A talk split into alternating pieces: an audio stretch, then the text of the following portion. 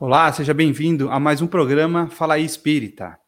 Eu sou Antônio Antunes e no programa de hoje eu vou conversar com Orson Peter Carrara. O Orson ele é escritor espírita, tem 20 livros publicados, é jornalista, palestrante espírita e um grande divulgador da doutrina. Inclusive, o Orson tem um canal aqui no YouTube que tem muito conteúdo da nossa doutrina, né? Inclusive, eu quero chamar você a atenção de para quem estiver assistindo esse programa, para uma série em que ele fez o estudo de capítulo a capítulo, junto com Américo Sucena, do livro Nosso Lar. Uh, antes da gente começar o bate-papo de hoje, quero lembrar você que é, esse programa é mais um bate-papo do que uma entrevista, então é possível que eu dê minhas, meus pitacos aqui durante a conversa. Também peço para você que ainda não é inscrito aqui no canal, se inscreva no canal, Deixe o seu like aqui no vídeo e também compartilhe, se você gostar do programa, com os seus conhecidos, seus amigos e também nos grupos de WhatsApp.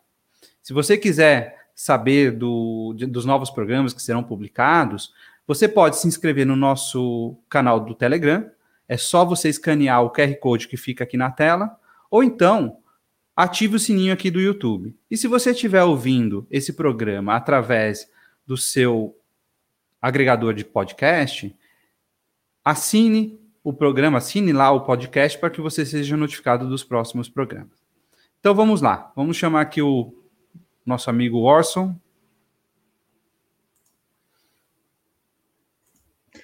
Boa tarde, Olá, Orson. Tudo bem? Tudo e você, como você está? Tudo, tudo bem. Legal. Obrigado pela oportunidade de estar contigo, viu? Eu que agradeço você aceitar o meu convite.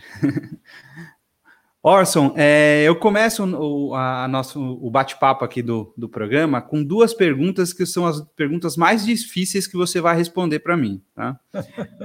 Qual que é a sua idade e onde você nasceu? Muito bem. A idade não é segredo, não. Os cabelos brancos já, já denunciam que eu já passei dos 60. Né? Eu estou com 61 hum. anos. Eu nasci no dia 10 de março de 1960 na cidade de Mineiros do Tietê, São Paulo, que é, fica ali na região de Bauru, na próxima Jaú, é, ah. Barra Bonita, Dois Corcos. É uma cidade muito pequena, tem uma população hoje em torno de 14 a 15 mil habitantes, e eu estou em Matão há 20 anos. Nós estamos aqui uhum. desde o ano 2000. Este ano de 2021 vai completar 21 anos que nós estamos aqui. Legal. E você, você é uma cidade pequenininha, é, é, você, você viveu lá em, em como chama de, do Tietê? Mineiros, Mineiros, Mineiros do Tietê. É, muita gente pensa, muita gente hum. pensa que a cidade é de Minas, mas não é, ela é de São Paulo mesmo. O nome Mineiros é por causa que os fundadores vieram em expedições mineiras. Hum. E Tietê é por causa do rio Tietê, porque há mineiros de Goiás, na época, quando não havia CEP, a correspondência dos Correios se misturavam entre os dois mineiros. Né? Então, acrescentaram mineiros do Tietê para diferenciar uma da outra. É uma cidade muito pequena. Eu uhum. nasci lá, os meus pais nasceram lá, os meus uhum. sogros nasceram lá, os avós não, mas os pais e os sogros nasceram lá. Eu e minha esposa somos de lá, os nossos filhos nasceram lá, os três, eu tenho três filhos, os três são casados. Agora, os cônjuges são todos aqui de Matão, dos filhos. Inclusive, eu tenho uhum. dois netos que nasceram matonenses já, né? Ah, que bom. Ah, então você viveu bastante tempo lá, né? Então... É, até os 40 anos eu vivi 40 lá, anos. até os 40. Legal. Vivi muito tempo. Passei toda a minha infância, adolescência, mocidade, passei lá. É, e a infância, a, a infância no, numa cidade pequena deve ser uma infância é diferente da minha infância que foi que, que cresci aqui em São Paulo, capital, né? Deve ser bem bem diferente, principalmente de uma cidade pequenininha, né? É, não só em função de você estar numa capital, mas até na época que você nasceu, porque Sim. na época nossa era tudo muito diferente, né? Muito diferente, mas extremamente diferente. Eu me lembro que em 1970 quando o Brasil ficou tricampeão mundial de futebol, a cidade, apenas uma TV, havia disponível para o público assistir a disputa do Mundial, a não ser uma ou outra família mais rica, mas o grande público da cidade reuniu-se num bar de uma esquina que hum. ficou lotada a esquina para assistir a definição do campeonato. Né? Quer dizer, a televisão ela não era comum nas casas. O telefone, por exemplo, em 1970, era telefone público que você, que a telefonista tinha que fazer chamada. Você quer falar com tal cidade? Ela falava, você volta daqui três horas, por exemplo. Né? Então, é, é, as crianças daquele tempo viviam uma experiência totalmente diferente da criança da capital e ainda considere aí as épocas diferentes, né? Sim. Então é uma a gente viveu no outro século com experiências muito diferentes das crianças que nasceram 20 anos adiante, digamos, que nasceram a partir de 80, já tiveram uma realidade diferente. Né? Então, quem nasceu em 70, daí para trás, é outra realidade. É, eu, eu, sou de 77. Eu, é. É, apesar de, de já pegar, ter, ter, crescido na década de 80, é, então já com televisão, com videocassete e tal, mas também quem cresceu agora, meus filhos que têm 9 anos, meu filho que é mais velho tem 9 anos, é outra coisa. É é, é, celular, é celular, né? É tablet, né? E, e, você, você teve. Como que foi o seu, o seu primeiro contato com a doutrina espírita? Já foi ainda na infância? É muito interessante essa história, porque o meu avô, João hum. Carrara, era espírita. Hum. E ele foi um dos. Ele fez parte do grupo fundador da instituição espírita lá da minha cidade, o Centro Espírita Francisco Xavier dos Santos que foi fundado no dia 22 de março de 1923. Veja você que está para completar um século Sim, de fundação. É, 100 anos. Né? E o meu avô fazia parte, ele não foi o fundador, mas ele fez parte da equipe fundadora. Naturalmente, o meu pai, meu pai tem vários irmãos, né? são sete irmãos, e eles todos nasceram na doutrina espírita. Mas a minha mãe era muito, de família muito católica, eram 11 irmãos, todos católicos. E quando minha mãe começou a namorar o meu pai, ah, os meus avós não gostaram da ideia, não. Forçaram hum. ela a largar o relacionamento. E minha mãe bateu o pé. Ela falou: naquele tempo tinha essa história, talvez você nem conheça isso, mas naquele tempo tinha essa história de fugir, né, entre aspas. Né? Então minha mãe falou: se não deixar eu casar com ele, eu fujo.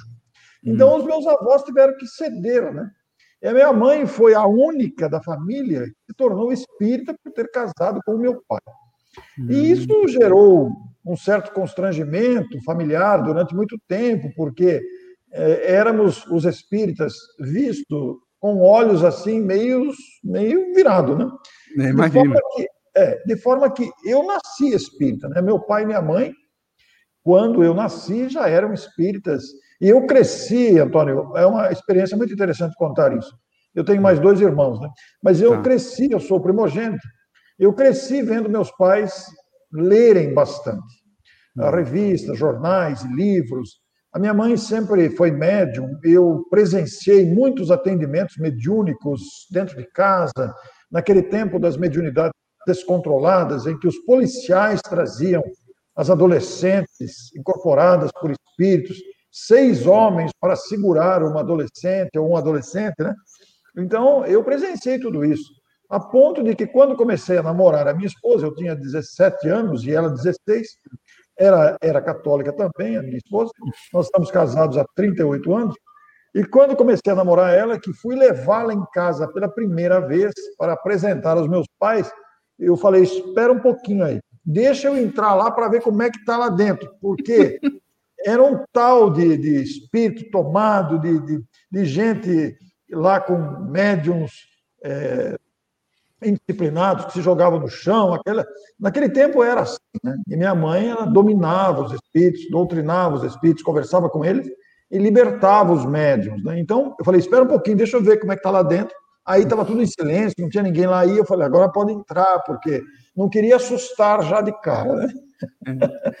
Poxa, interessante isso. Então, porque eu estava conversando com o Américo, né, numa, na, num programa anterior, e ele estava me falando que, né, é, antes, né, eu já, já sou da época de ir no centro espírita, mas era muito comum os atendimentos serem dentro de casa mesmo, né? Muito Os centros, as reuniões serem, serem dentro de casa.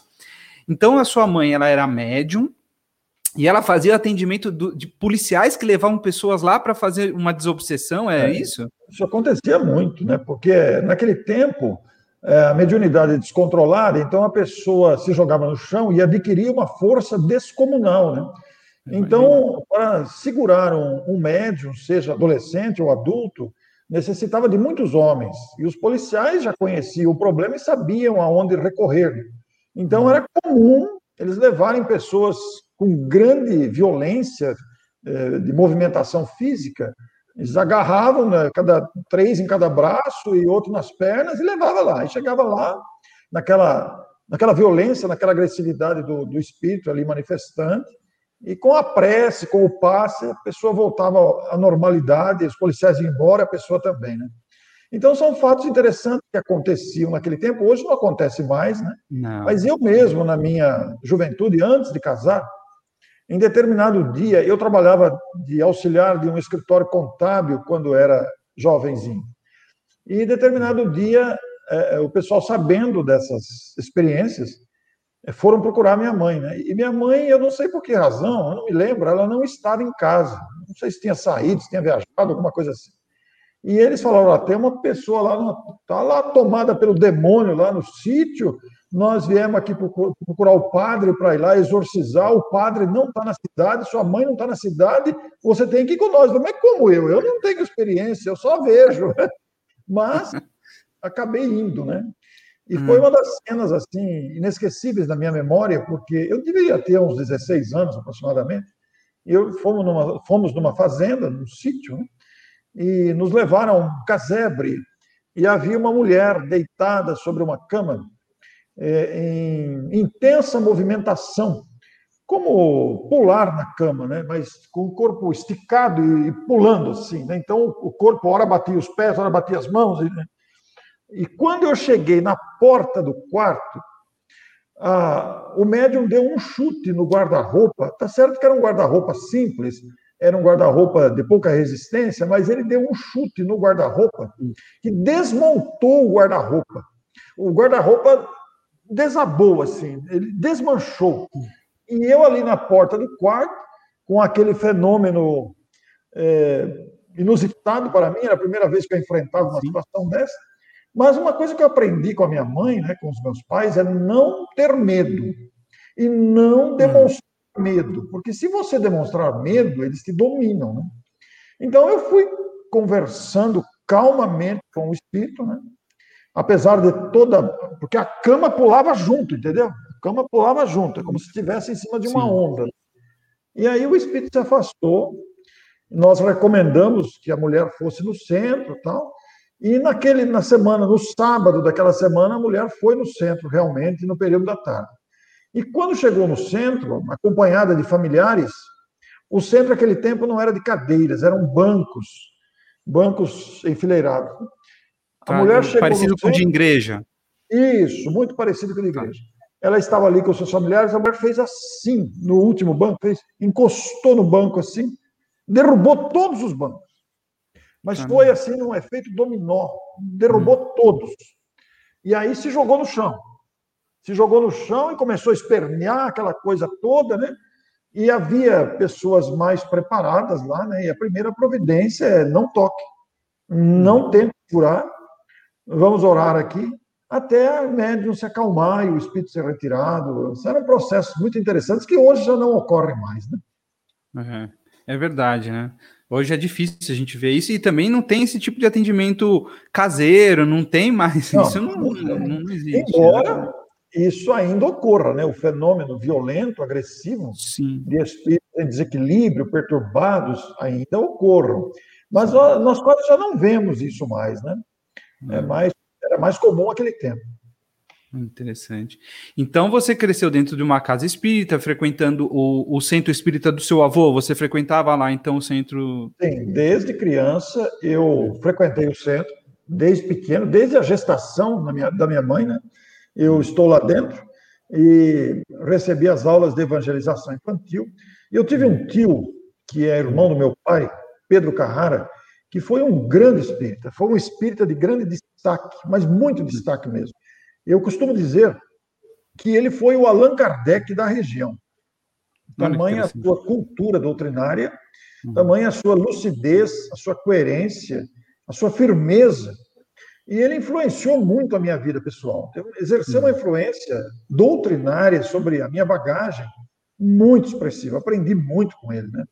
É, inclusive, hoje estávamos caminhando de manhã, eu estava me recordando da firmeza que ele tinha contra tentativas de fraudes espíritas, de espíritos que tentam manipular médiums para enganar, para tirar proveito, para chantagear. Né? Ele era muito firme, eu aprendi muito com ele. E me tornei assim também, sabe? Eu, eu tenho o pé bastante atrás com supostas manifestações espíritas que a gente reconhece logo tratar-se de uma fraude, tanto do hum. suposto médium como do hum. suposto espírito, né? porque isso também é comum nos dias de hoje, infelizmente. Entendo. E ele, e ele, te, ele, te, ele, ele foi então uma diretriz para você pra, na questão doutrinária, né? Então ele foi passando para você toda a, a, a literatura, o, o, que tinha que, que, que para você ler e, e ir aprendendo. É, na verdade, a literatura especificamente, ela hum. foi encaminhada pelo meu pai e pela minha mãe. Eles eram tá. leitores ah. inveterados. É, você comentou, né? É, meu pai sempre me incentivava a ler. E ele falava, leia este, leia este. E eu, na minha adolescência, eu li muito na minha adolescência. Eu vejo hoje, Antônio, que toda a minha bagagem doutrinária ela foi formada na adolescência. Porque eu noto isso perfeitamente nas palestras que eu faço, que toda esta bagagem ela foi formada lá, na época em que eu estudava, lia bastante. O Pedro, que é o meu tio, ele exerceu assim em mim uma influência de como ser um líder, como uhum. enfrentar as, as, os apuros, como desenvolver a firmeza no trato com essas questões todas, né, de, de, de se fazer o sim, sim, não, não, essas questões ele foi exemplar. E eu o tenho como uma referência na minha formação doutrinária em termos de comportamento diante dos fatos do Espiritismo. Ah. Tem, tem algum, algum, algum fato, algum caso específico de fraude que ele identificou que ficou marcado para você, não? Ou... Olha, muito, alguns casos. Eu vou te dar um exemplo muito simples. Tá. Eu presenciei essa cena. Então, vamos uhum. supor que um espírito queria se manifestar através de uma médium, porque naquele tempo as reuniões mediúnicas eram públicas, né? elas não eram reservadas como são hoje. Sim. As pessoas assistiam às reuniões. Então, tinha lá o grupo de médiums lá na mesa e as pessoas ficavam aqui assistindo a reunião, era público. É um costume que, felizmente, foi abolido, porque a reunião mediúnica tem o seu caráter de confidencialidade, né? de, de respeito à realidade do espírito que está em sofrimento. Mas eu me lembro de um fato que eu sempre lembro, é uma coisa que eu sempre busco este exemplo, de um determinado espírito que se manifestou e supostamente deveria ser um espírito com hábitos indígenas. Hum. E ele tinha o, hábito, por exemplo, de sentar naquela posição com as pernas cruzadas, sentar sobre as pernas cruzadas. Né? E o espírito se manifestou ali e falando a linguagem própria, como se fosse um indígena, e eu sou índio, eu vou sentar aqui, sentar aqui. Ele falou, não, senhor, você não é índio, não. Você é um espírito como qualquer outro, você vai falar no médio sem sentar com a, a, a, sobre as pernas aí. Né? Então, uma atitude que eu sempre lembro dessa, desse exemplo. Né? Mas não foi só isso, porque esse meu tio Pedro Carrara ele enfrentou muito preconceito, né? numa época em que quem mandava na cidade era o padre. Sim. Naquela época, a maior autoridade da cidade era o padre. E o padre mandou fechar o centro espírita. Né? Isso na década de 40, por volta do ano de 46, 47 aproximadamente. Eu não tinha nascido ainda. Mas esse fato ficou muito marcante numa cidade pequena, você imagina. Então o padre mandou fechar o centro espírita, porque aquilo era prática do demônio, como eram classificados. Os padres perseguiam muito. Então o, o, centro foi fechado pelo delegado, porque o delegado é que obedecia o padre, não era o contrário, né? era o delegado que obedecia o padre. E havia um juiz em Jaú que era espírita. E aí uhum. meu tio foi lá em Jaú falou: olha, o padre mandou fechar o velho. Aí o juiz expediu, abra-se imediatamente o padre, ou o centro. Uhum. Não contente com isso, o padre determinou que o prefeito mandasse derrubar o centro.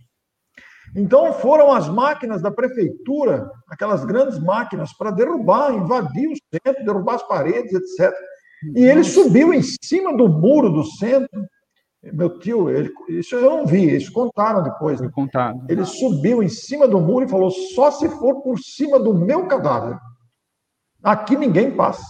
E as máquinas da prefeitura recuaram, né? E isso não aconteceu, dada a firmeza com que ele enfrentava essas perseguições, esses preconceitos todos que haviam naquela época. Né? Então, são fatos assim da história da cidade, da família, do centro espírita, que é, marcaram época na, na, memória de todos nós. Né? Então, são uhum. fatos assim. Legal. O, o, centro espírita, ele, ele ainda existe? Lá existe. Em, nós fizemos uma live, é, a uhum. questão de um mês aproximadamente, comemorativa dos 98 anos de existência. E foi ali que, durante os meus 40 anos de vivência em Mineiros do Tietê, nós aprendemos tudo que sabemos da doutrina espírita, desenvolvemos muitas atividades, nós realizamos lá muitos eventos, quando estávamos lá, né, presenciais, na época presencial, trouxemos muitos companheiros e convidados para palestras, para cursos, para eventos, e ali é um centro completo.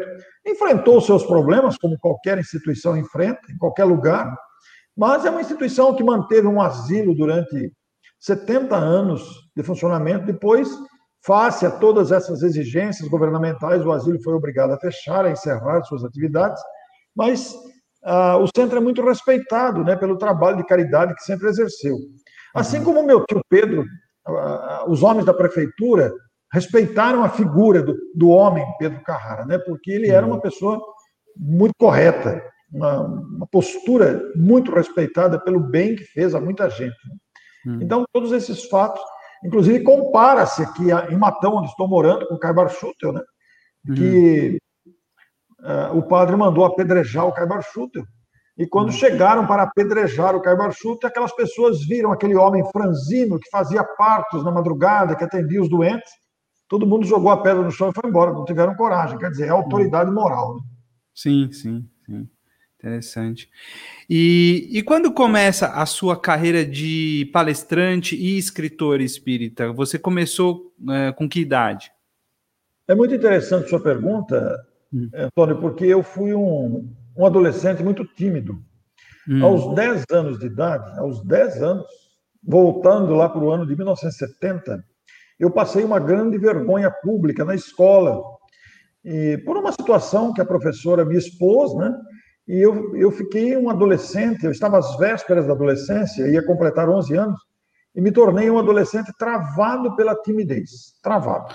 Por causa Nesse desse evento, por causa desse, desse evento, evento, na escola. É um evento cívico da escola, coincidente com o aniversário da cidade, e eu tinha uma boa dicção, a professora dizia que eu tinha uma boa dicção, que a fluência verbal era boa, então ela me escalou para abrir uma cerimônia cívica.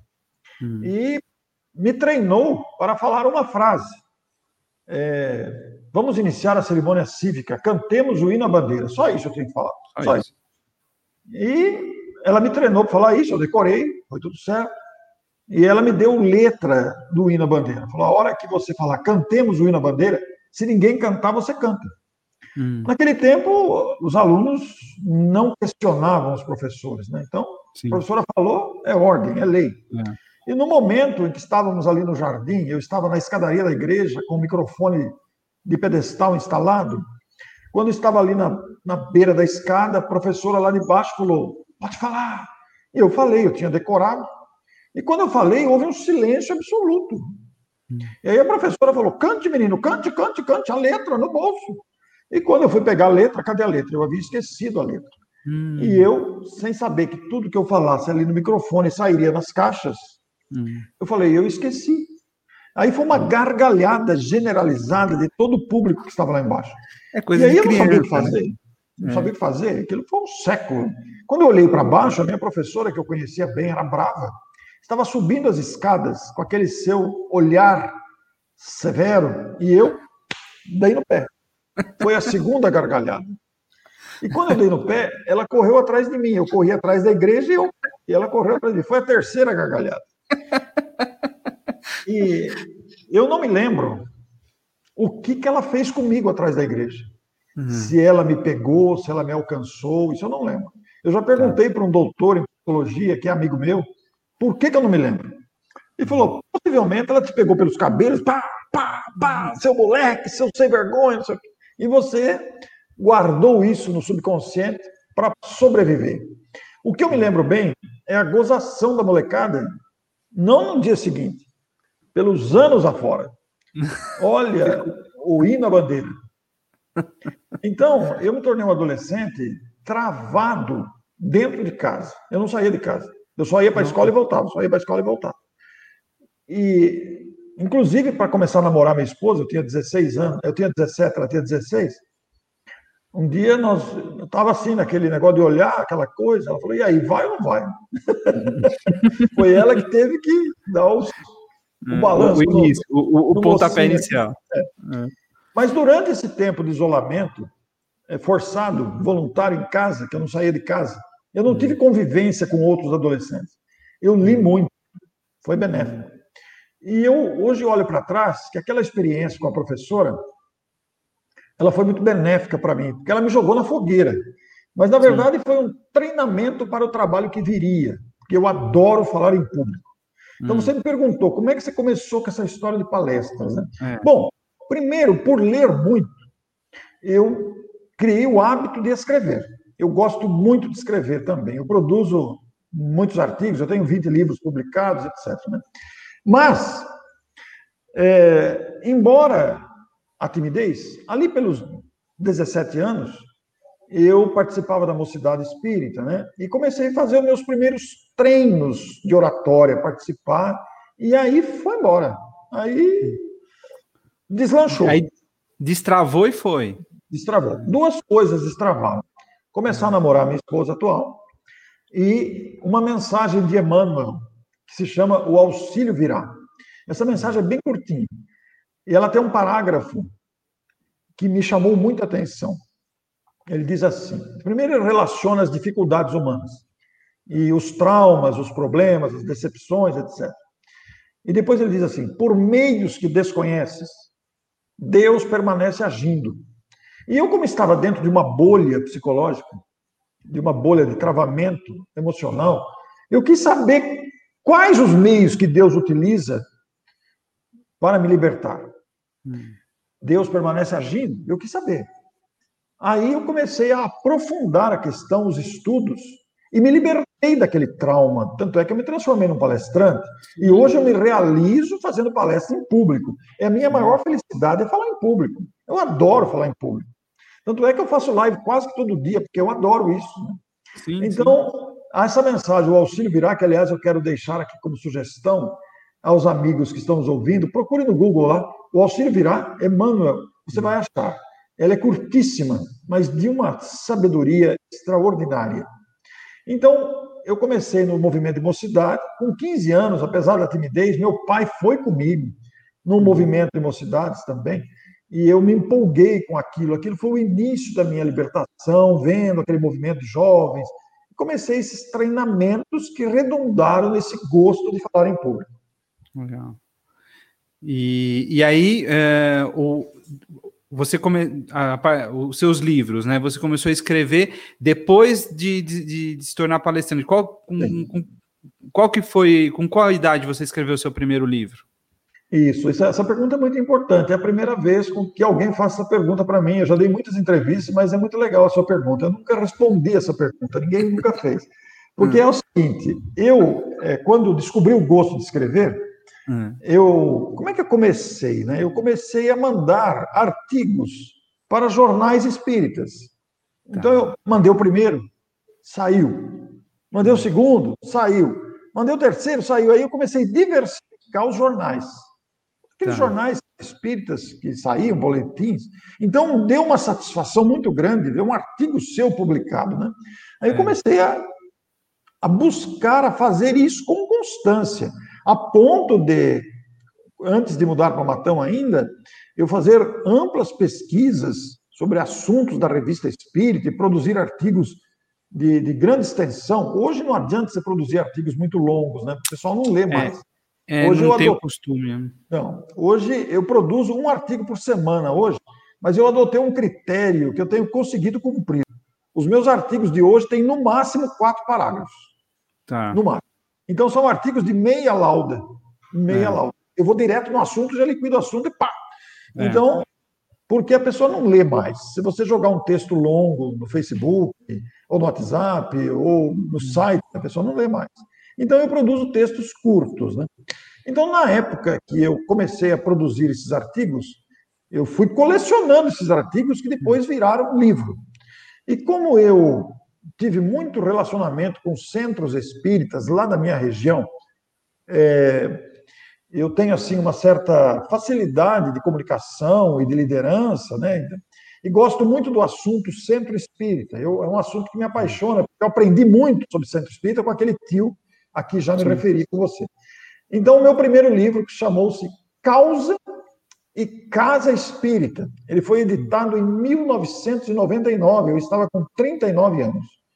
E depois, o segundo, é, é, que se chama Espíritos, quem são, onde estão, o que fazem, por que nos procuram, foi publicado em 2007, oito anos depois. a partir do livro, do segundo livro, a partir do segundo livro, os outros 17 saíram numa sequência assim de dois por ano, em média. Caramba. Dois por ano. É. Por quê? Eu aproveitei muita coisa que eu já tinha acumulado nos arquivos. Ah. Então era só juntar os assuntos semelhantes, adaptar os artigos. Né? Embora eu tenha produzido livros também que foram especificamente pesquisados num assunto determinado. Né? Fiz alguns livros em parceria, quatro mãos, com outros amigos também. Agora, é, tem um livro que está no prelo, não sei quando que vai sair, mas é, é todo esse episódio da, da pandemia hum. paralisou um pouco toda essa questão, né? Porque tá. as editoras estão com uma retração muito grande, né, em virtude da crise editorial. Então, Sim. as publicações de livros estão assim bastante restritas. Mas essa esse gosto por escrever vem lá da. vem de um detalhe muito importante, porque uma vez numa entrevista de TV também o repórter me perguntou: como é que você descobriu que você gostava de escrever? Hum. E essa pergunta, Antônio, ela despertou em mim uma lembrança que eu fazia mais de 40 anos que não lembrava dessa, dessa recordação. Ela nunca, nunca tinha vindo na minha mente. Mas diante da pergunta, ela, essa pergunta acionou uma lembrança muito interessante. O meu pai, ele costumava utilizar um, uma cartolina retangular. Eu não sei se você pegou esse tempo, não me lembro se você. Acho Sim. que você não vai se lembrar disso. Não, cartolina, a gente usava bastante cartolina na escola. Sim, mas você lembra da cartolina que vinha dentro da embalagem do sabonete? Não. Você não pegou isso, né? Acho então, que não. quando eu era criança, na minha faixa dos seis anos, sete anos, lá antes de 70, portanto, né? Hum. O sabonete, que tinha lá o Palmolive, o Lux, os sabonetes mais comuns na época, tinha o sabonete, você tinha a embalagem do sabonete, você abria a embalagem e junto com o sabonete vinha uma cartolina no mesmo tamanho do sabonete. Hum. Era, uma, era uma cartolina retangular no mesmo tamanho do sabonete. O que, que meu pai fazia? Cada sabonete que abria em casa, ele guardava essa cartolina. Hum. E ele escrevia na cartolina frases curtas do Evangelho. Por exemplo, perdoarás 70 vezes sete vezes. Só. Numa outra cartolina, sede perfeito. Ninguém vai ao Pai senão por mim. Eu sou o caminho, a verdade e a vida. Todas frases de Jesus. Todas. E o que, que ele fazia com essas cartolinas? Eu vi ele fazer isso, eu vi. Né? ele esquecia em, em farmácia, em açougue, em padaria, em lugares, ele esquecia, simplesmente punha em cima da mesa do balcão lá e deixava. E eu comecei a fazer a mesma coisa na escola. Quando eu fui para a escola, que me alfabetizei, que aprendi a escrever também, eu comecei a copiar meu pai, né? Então eu fazia isso, eu escrevia os bilhetes, tirava lá do Agenda Cristã, tirava lá desses livros de mensagens curtas e levava para os colegas. Mas aí eu não esquecia, não, eu dava para os colegas, né? Olha, eles gostavam. Isso aí foi uma prática que se expandiu. Então, eu, eu penso que o gosto de escrever saiu daí. Eu, é. Essa lembrança foi muito marcante também da minha infância. Interessante. O, o, os seus livros, eles são publicados só em livro físico ou você tem a versão online, online deles? Todos os meus livros, eles foram publicados na, no, no, físico, impressos, na época da impressão mesmo. Eu não tenho nenhum em e-book ainda, por absoluta falta de tempo de cuidar disso. Inclusive, eu tenho vários livros esgotados, que se hum. não forem colocados virtualmente, eles desaparecem. É um trabalho, Antônio, a ser feito ainda. Talvez Sim. eu precise de um secretário para fazer isso. Absoluta é. falta de tempo de cuidar disso. É, tá. Legal. E, e assim, eu estava vendo que você chegou a dar palestra fora do país, né? Você Sim. já foi para a África da, da palestra? Sim. Eu estive na África em 2007, hum. a convite de dois empresários matonenses que são espíritas hum. e que foram fazer negócios na África. Tá. E eu já estava em Matão há sete anos, já era bastante conhecido, bastante ativo aqui, né? Hum. Então, esses amigos me convidaram para ir com eles para fazer palestra. Então, tá. nós fizemos um contato prévio com espíritas do continente africano, hum. nós fomos para, eh, para Moçambique, Angola hum. e África do Sul. A viagem começou por Moçambique, fomos para Maputo, e nós tentamos e localizamos espíritas em Maputo, Moçambique, uhum. e fomos recebidos lá e fizemos palestra lá. Depois viemos para Angola, onde também aconteceram palestras em português, porque são países que usam o idioma Isso. português. Eu não, não é. falo outro idioma, eu só sei o português mesmo. Tá. E depois fomos para a África do Sul, onde se fala Já... o inglês. inglês. É. Mas eu falei para brasileiros que moram na África tá. do Sul. Não foi só eu, foi comigo o amigo e, e palestrante médium Emanuel Cristiano. Nós somos em dupla, fizemos várias palestras na África, em três países. Aqui na América do Sul, eu estive hum. também no Uruguai, quando fui falar em Santana do Livramento, que faz divisa com o Uruguai. Eu já viajei o país inteiro aqui, né? Acho que falta dois hum. estados só. Acho que só falta o Acre e o Amazonas. No restante, eu fui em todos. Então, é, estando no Rio Grande do Sul, nós fomos ao Uruguai fazer palestra e também demos uma passadinha na Argentina. Foi uhum. coisa rápida, mas estivemos lá fazendo palestra. Então foi muito interessante. Cinco países que chegamos a visitar. Legal. O, o, essas palestras na África, o que eu, eu, eu acho interessante porque a, a, gente não conhece muito a África, né? A África é, é um continente meio que desconhecido para a gente, né?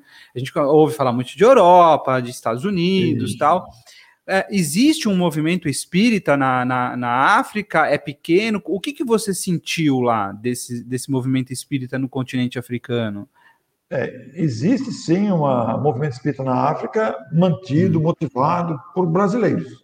Por brasileiros. Brasileiros. Brasileiros que estão na África, em diversos países da África, e que é, incentivaram pessoas africanas que se juntaram a eles, que se casaram com cônjuges daqueles países, etc., Sim. e fundaram grupos. Né?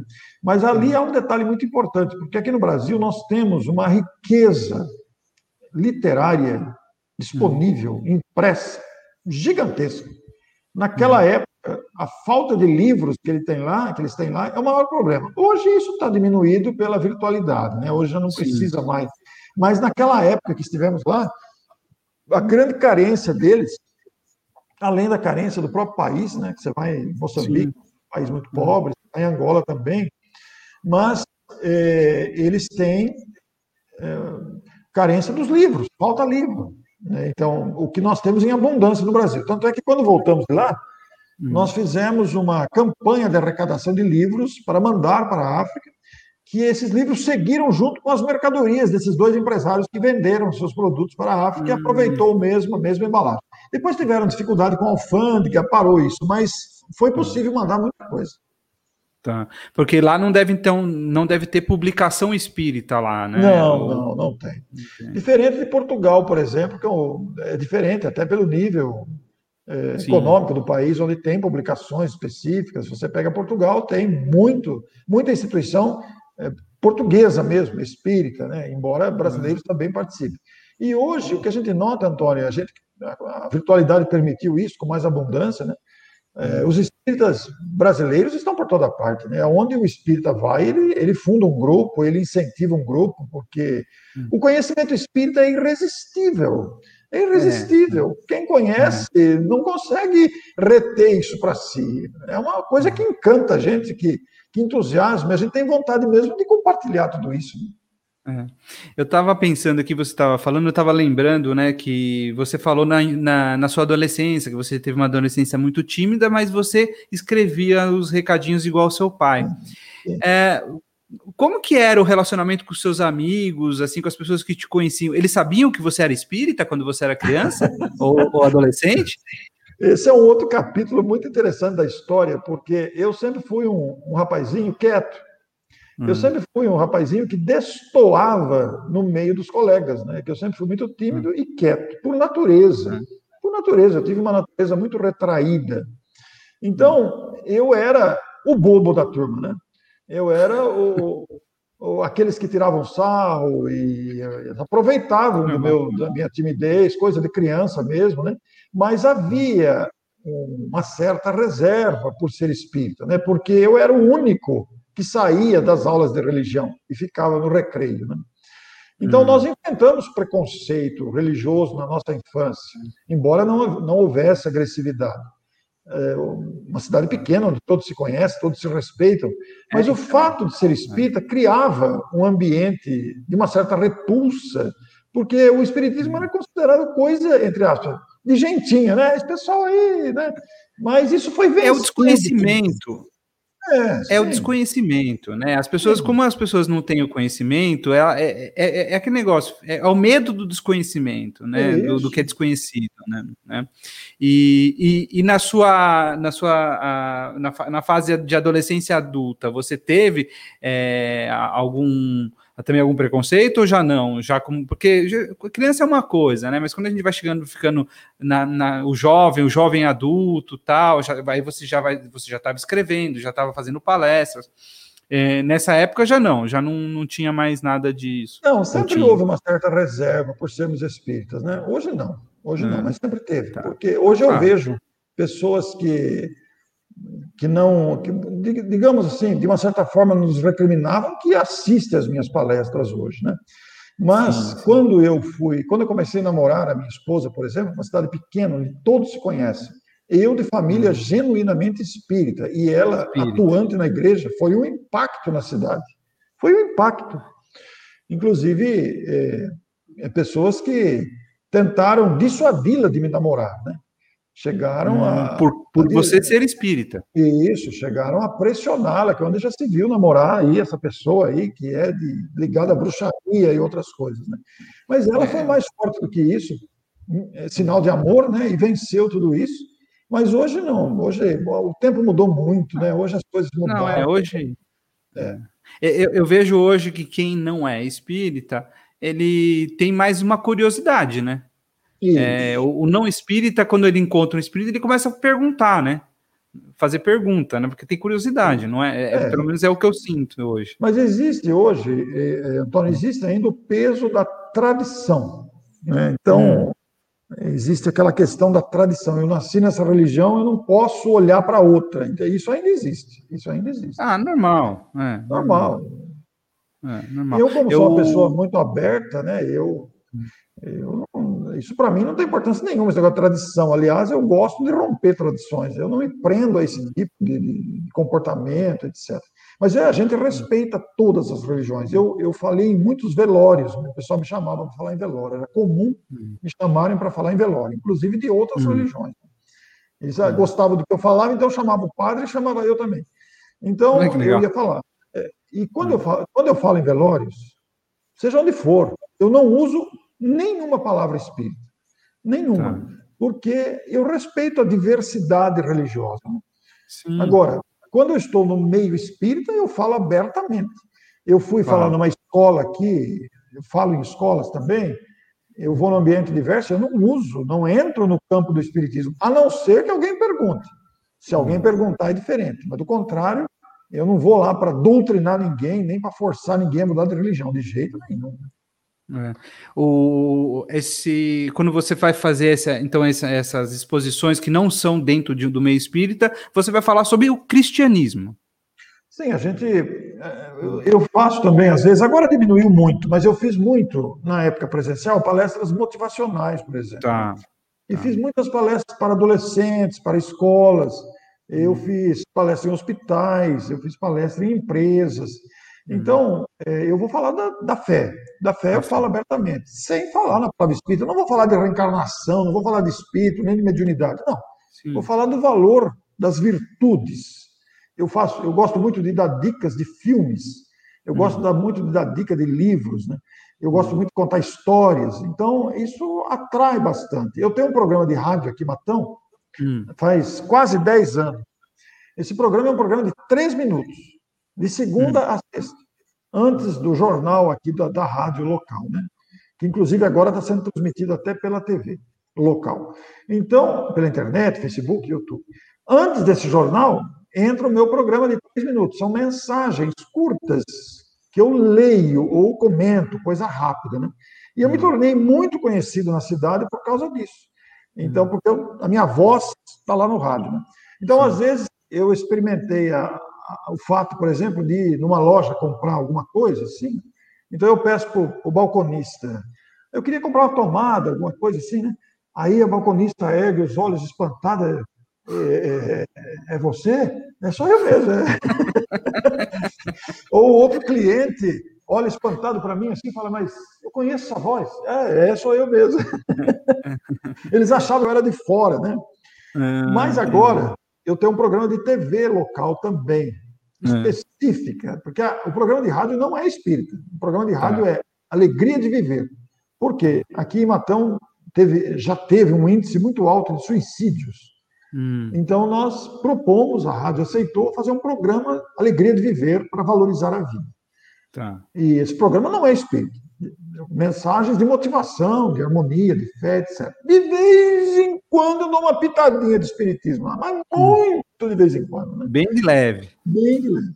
Só que agora a TV me convidou para fazer um programa espírita na TV. Então agora. TV aberta? TV aberta local, só local. Só local. Só local. Embora passe no YouTube também, né? Tá. Então o programa se chama Espiritismo para Todos. É toda hum. terça-feira, às 21h40, às, perdão, às 18h45. E também no YouTube e página do Facebook, se alguém quiser ver, TVM, é TVM Matão. Então você poderá tá. assistir pelo YouTube, pelo Facebook, toda terça-feira, 15 para 7, após o jornal. Então, a partir desse programa agora, expôs o meu rosto completamente. Agora todo mundo sabe que eu sou espírita mesmo, embora faça o programa lá Alegria de Viver. E esse programa Alegria de Viver, ele me trouxe muitas alegrias de pessoas que vêm falar, que, que beleza, que mensagem bonita, eu recebo o zap, nossa, você falou tudo que eu precisava ouvir. Então, isso é bacana, né? Isso alimenta é. a alma, né? Alimenta, é. A gente não sabe o impacto, né, que, que, que, que, faz nas pessoas, a gente não tem ideia, né?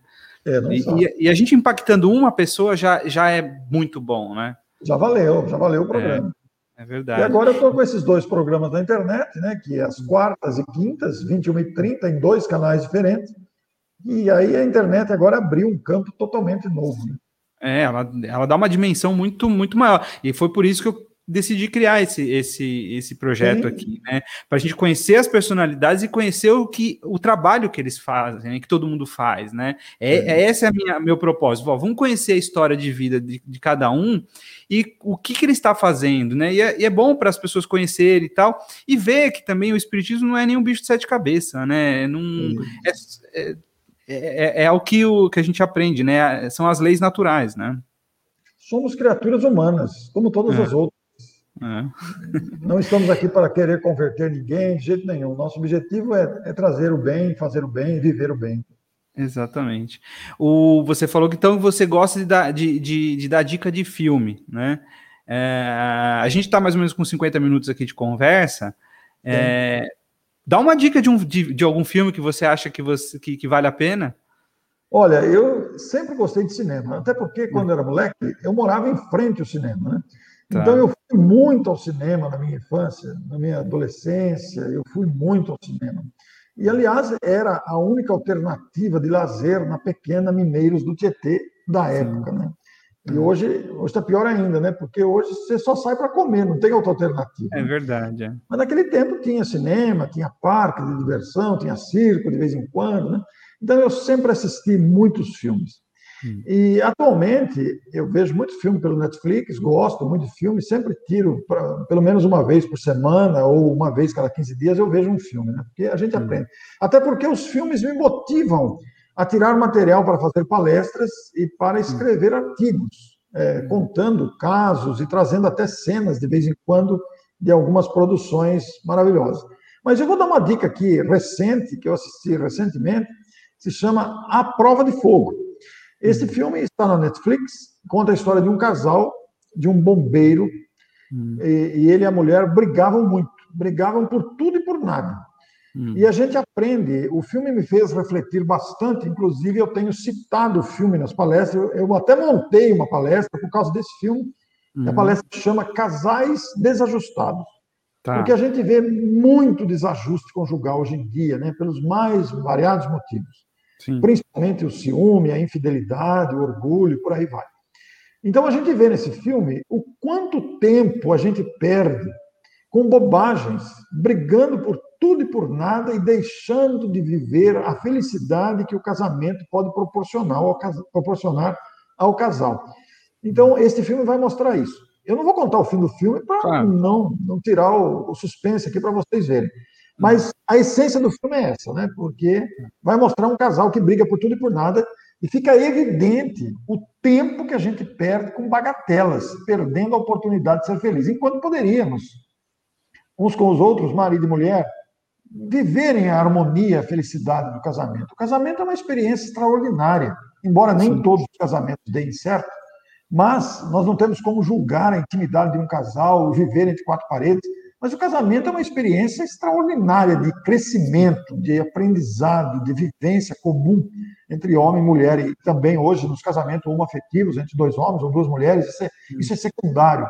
O que vale é o bem-estar e a harmonia entre as criaturas que se amam e se buscam. Né? Então, tudo isso é, é, é muito oportuno. Então, eu quero deixar. Mas é, são muitos filmes, né, Antônio? São muitos filmes bons. É, Esse é, o, o mais recente que eu vi aí. Tá. Eu assisti esse final de semana, eu vou dar uma dica, um filme chamado Em Defesa de Cristo. Já assistiu esse filme? Não. Você gostou? Não assistiu? Não assisti.